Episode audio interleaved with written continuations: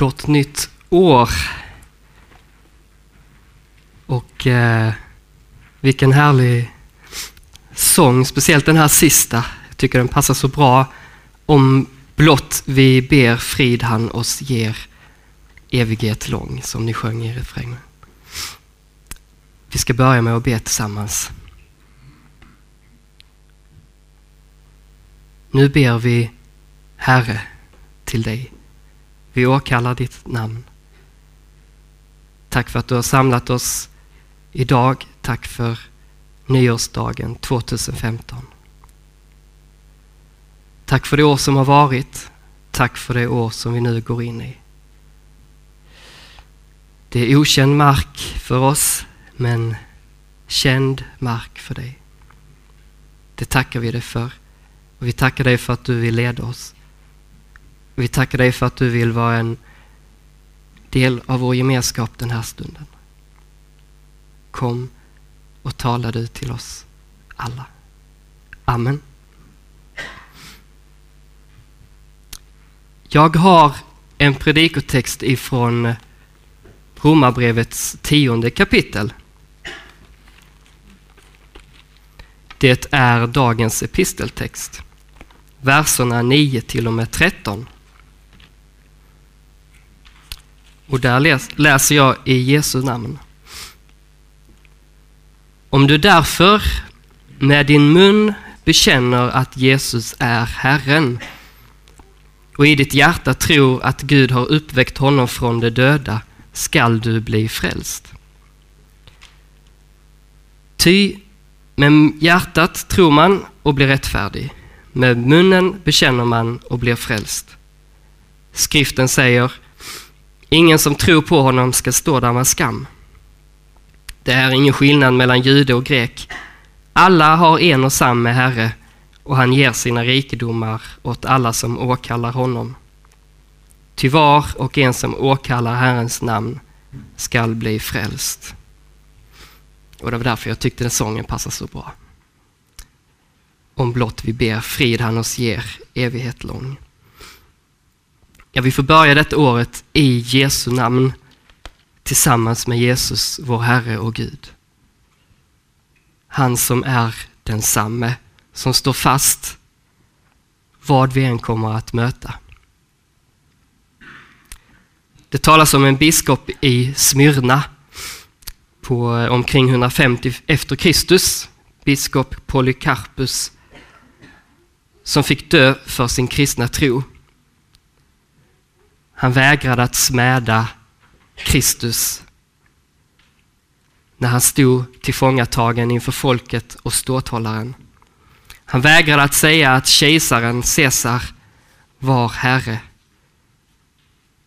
Han var gammal, Polycarpus, och istället så bekände han 86 år har jag tjänat honom, alltså Kristus och han har inte gjort något ont mot mig. Hur kan jag smäda min konung som frälst mig?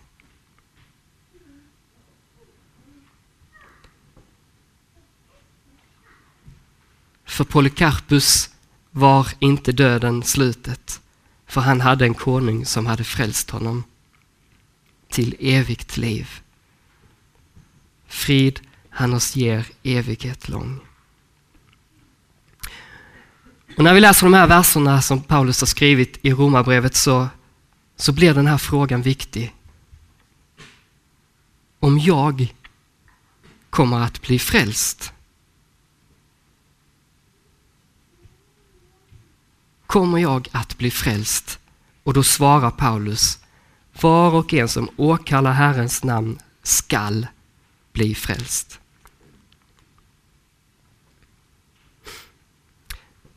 Ja, på bästa sändningstid i Sveriges Television på fredagar så riktar sig programledaren i På spåret sin blick in i kameran och så ställer han denna fråga.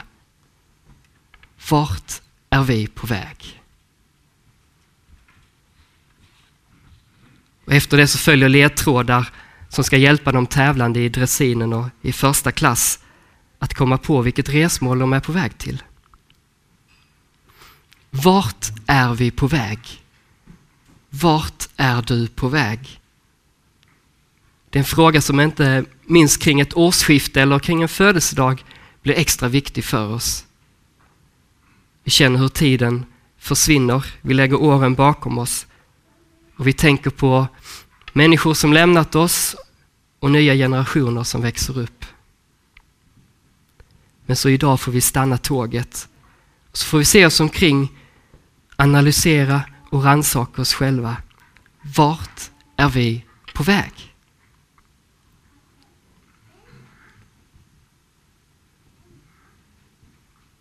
Ja, de flesta människor har en idé, en uppfattning om, om vad som händer efter döden.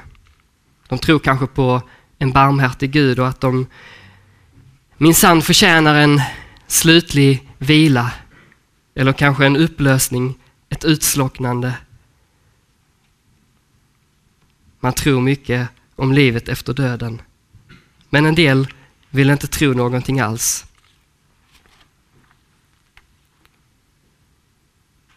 Jag lyssnade till en ganska gripande intervju i Sveriges Radio här i veckan om, om en polis i Malmö som ofta fick gå med dödsbud hem till folk. Polisen berättade ganska öppet om hur jobbigt det var att vara den första personen som kommer hem till en familj och får meddela att deras anhöriga, en anhörig har gått bort. Kanske ett barn, en förälder eller syskon. Vid ett tillfälle så hade denna polis fått stanna i 13 timmar som ett stöd för de efterlämnade. Det får ta den tid det tar, sa hon. Och som överskrift eller rubrik till den här intervjun så stod det om hur antalet självmord i Sverige ökar under jul och nyårshelgerna. Då måste vi fråga oss, vart är vi på väg? Polycarpus, biskopen i Smyrna, han vägrade att smäda Kristus som frälst honom. Det finns, det finns en frälsning, ett hopp, ett evigt liv genom att åkalla Herrens namn. Men alla vill inte det. Alla vill inte lyda evangeliet, skriver Paulus i samma kapitel lite senare. Det är en av de största sorgerna, åtminstone för mig, när man ser hur vänner eller nära lämnar den kristna gemenskapen. Faller bort ifrån tron. Så vi frågar oss själva, vart är vi på väg? Hur ska jag bli bevarad och frälst? Lever jag i en sann tro på Jesus Kristus?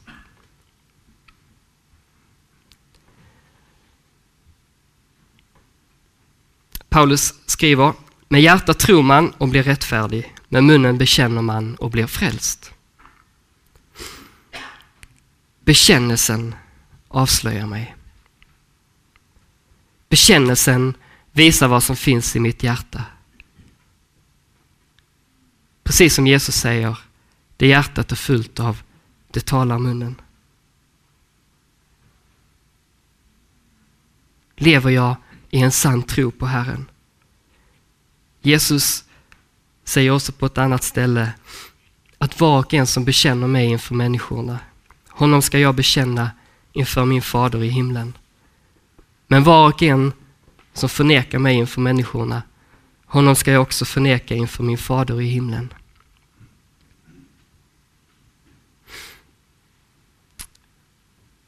Jag tänker att vi i västvärlden på många sätt var i en liknande situation som Israels folk. Israels folk blev Guds utvalda och de fick lagen och profeterna direkt från Gud. Och på samma sätt så har vi i västvärlden ordet Guds ord tillgängligt. Religionsfrihet, öppna kyrkor, Bibeln översatt till alla våra språk. Vi har Guds ord tillgängligt. Det är som Paulus säger, ordet är dig nära i din mun och i ditt hjärta. När han säger detta så, så hämtar han det från femte Mosebok. För Mose sa dessa orden långt tidigare när han en, en dag skulle lämna Israels folk som deras ledare. Han skulle lämna över sitt ledarskap till Josua och man kan ju bara föreställa sig vilken oro som måste ha funnits bland Israels folk. Denne store ledare skulle inte följa dem ända in i Kanans land. Men då svarar Mose folket. Ordet är dig mycket nära. Ordet, frälsningen, Jesus är oss mycket nära. Han finns, han finns tillgänglig för var och en som åkallar hans namn. Om blott du ber frid han oss ger. Var och en som åkallar hans namn ska bli frälst.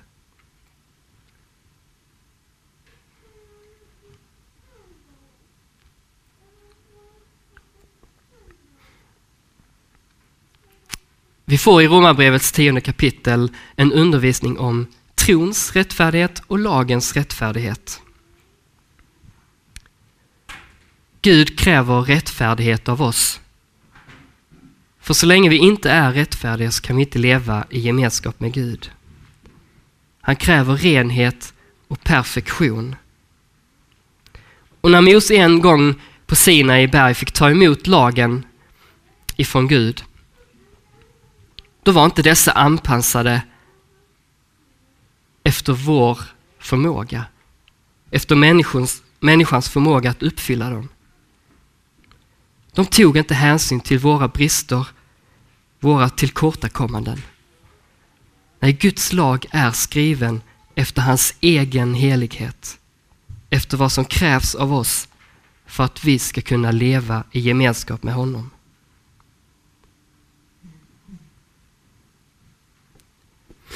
Så skriver Paulus om lagens rättfärdighet. Den rättfärdighet som kan vinnas genom att man håller lagen.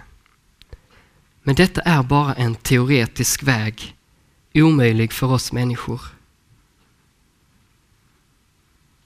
Att ingen förklaras rättfärdig inför Gud genom lagen är uppenbart eftersom den rättfärdige ska leva av tro, undervisar Paulus. Vårt enda alternativ är rättfärdigheten genom tron. Jag tycker det blir lite extra starkt när man eh, på engelskan gör den här skillnaden. För man kan säga att lagens rättfärdighet säger Do, do this and you will live. Precis som Jesus hälsade eh, farisén eller den skriftlärde som kom till honom vid ett tillfälle. Do this and you will live. Men till skillnad från denna lagens rättfärdighet säger trons rättfärdighet It's done. Det är gjort. Vi får ta emot den rättfärdighet som Kristus har vunnit åt oss. Den rättfärdighet som vi får gripa genom tron. Det är något som redan är uträttat och gjort. Därför behöver vi inte ställa oss dessa frågor som, som Paulus skriver i, tidigare i Romarbrevets tionde kapitel. Vem ska fara upp till himlen, det vill säga för att hämta ner Kristus? Eller vem ska fara ner i avgrunden, det vill säga för att hämta upp Kristus från de döda?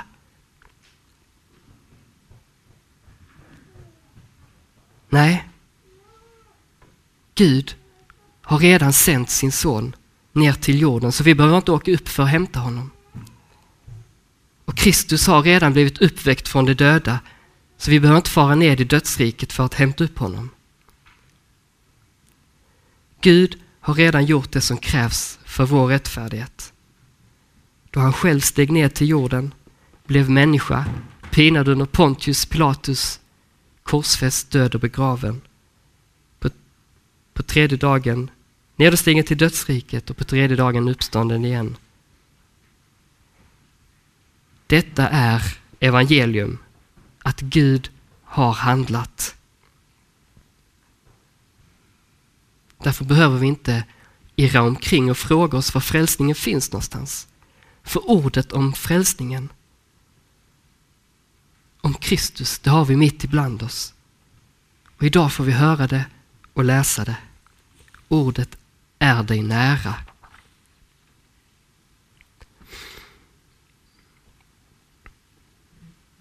Om du därför med din mun bekänner att Jesus är Herren och i ditt hjärta tror att Gud har uppväckt honom från de döda skall du bli frälst. Okej, okay. då ligger det nära till han att tänka hopplöst för mig. Jag är så usel på att bekänna min kristna tro.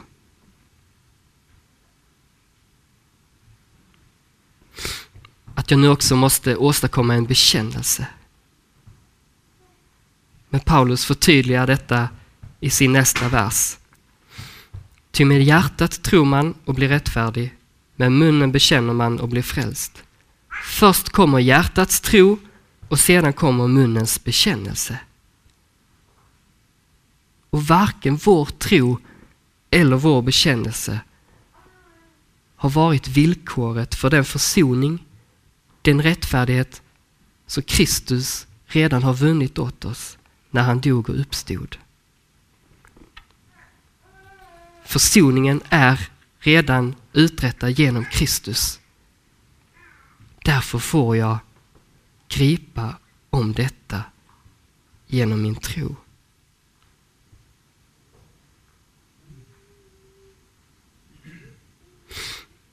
Min tro frälser mig när jag flyr till honom som är frälsningen. När jag hjälplös kommer till honom som ensam kan frälsa. Att tro, det är att åkalla, att åkalla Herren. Det är precis som den blinde Bartolomeus som satt och ropade Davids son, förbarma dig över mig. Jesus hör var och en som åkallar hans namn. Och den skall bli frälst. Och när jag tror på Jesus så bosätter sig Jesus själv i mitt hjärta. Och då äger jag den största skatt som finns. Alla de rikedomar som han vill ge mig. Och när jag äger detta, ja då kan jag inte tiga om honom. Bekännelsen är alltså inget villkor för frälsningen, men den visar om du har tagit emot Jesus, din frälsare.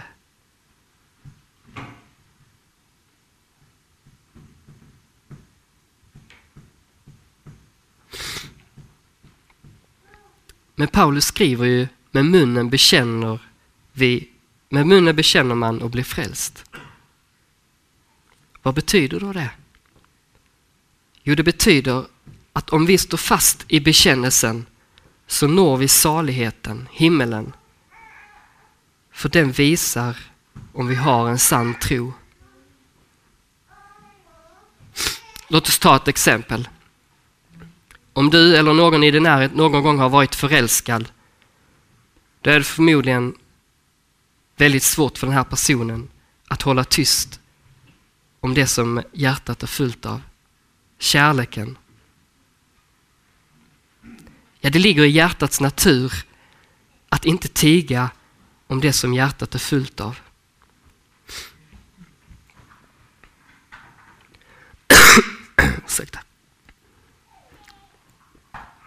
Kan jag för Guds äras skull och i omsorg för andra människor tiga om vad jag själv har funnit? Kärleken från min frälsare. I Vilhelm Mobergs Utvandrarna så skildrar han ju de småländska bönderna som till slut emigrerat till Nordamerika. Drängen Robert hade länge gått och tänkt på att han ville åka till Nordamerika. Och till slut så kunde han inte låta bli att avslöja detta för sin äldre bror Karl Oskar. Jag ämnar mig till Nordamerika, sa han. Sen bestämde de sig för att gemensamt flytta. Och då blir Robert så upptagen av att undersöka, läsa, studera om allt han hittade om det nya landet. Språket, kulturen, människorna. Och under hela resan så kan han inte hålla tyst om Amerika, det nya landet som väntade honom. Hans hjärta var fyllt av det som väntade. Vart är du på väg? Kan du tiga om himmelen? Kan du hålla tyst om din frälsare Jesus, din Herre och Gud? Ja, det finns exempel på lärjungar i Bibeln som, som under en kortare tid levde i hemlighet som kristna. Vi har till exempel Nikodemus som kom om natten till Jesus och vi har Josef från Arimatea. Men det var inte tänkt att de skulle tiga om sin relation med Jesus. Så läser vi att bägge dessa, Josef och Nikodemus, var med om att ta hand om Jesu kropp efter att han hade dött. De smorde den, lindade in den enligt judisk sed och begravde den sedan.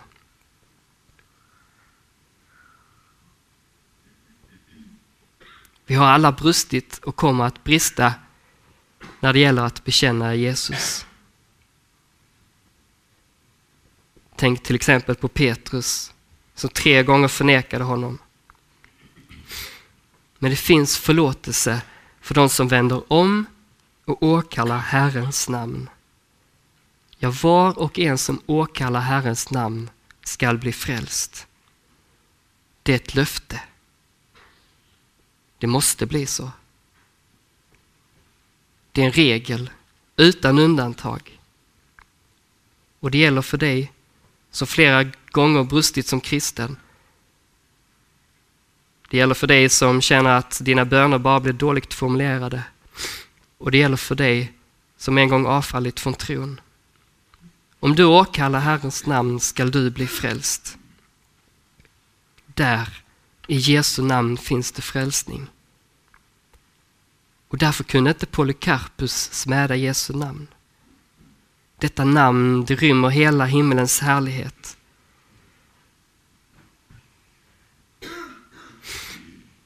Och ingen som tror på honom skall stå där med skam. Vi behöver aldrig skämmas som kristna. Och du ska inte behöva stå med skam när du en gång får träda fram inför Gud. Om du tror på Jesus. För Jesus har också tagit din skam. När han avklädd lät sig bespottas, hånas och korsfästas för din synd och din skam.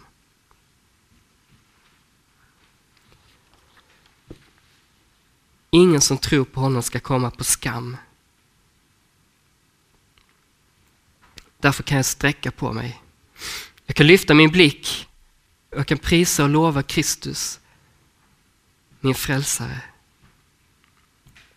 Jag slipper liksom Adam och Eva springa och gömma mig på grund av min skam. För Jesus har tagit min skam. Ja, han ger sina rikedomar åt alla som åkallar hans namn. Kan du hålla tyst? Kan du ge omsorg om din granne och nästa hålla tyst om detta? Kan du för Guds äras skull hålla tyst? Kan du hålla tyst? Då bör du fråga dig vart du är på väg. Om du lever i en sann tro på Jesus.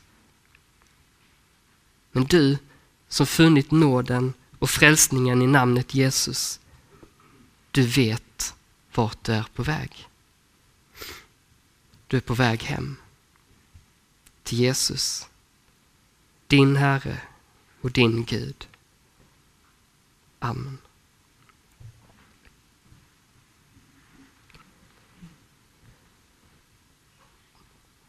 Tack Jesus Kristus för att du är vår frälsare, för att du har stigit ned och eh, dött och uppstått och ordnat med den rättfärdighet som, som gemenskapen med Gud kräver. Tack för att vi får ta emot den i tron. Tack för att vi genom att åkalla ditt namn blir frälsta. Och jag ber för oss som är här, för, för vår tro, att du ska stärka den. Att du ska ge den näring. Jag ber för denna eftermiddag. Tack för att vi får vara samlade och tack för att vi får vara samlade kring eh, ditt ord, ordet som är oss nära. Som skänker oss dig, Jesus. Vi lovar och prisar dig, Gud Fader som har skapat oss, du Son som har frälst oss och du heliga Ande som vill göra allt detta levande för oss. I Jesu namn. Amen.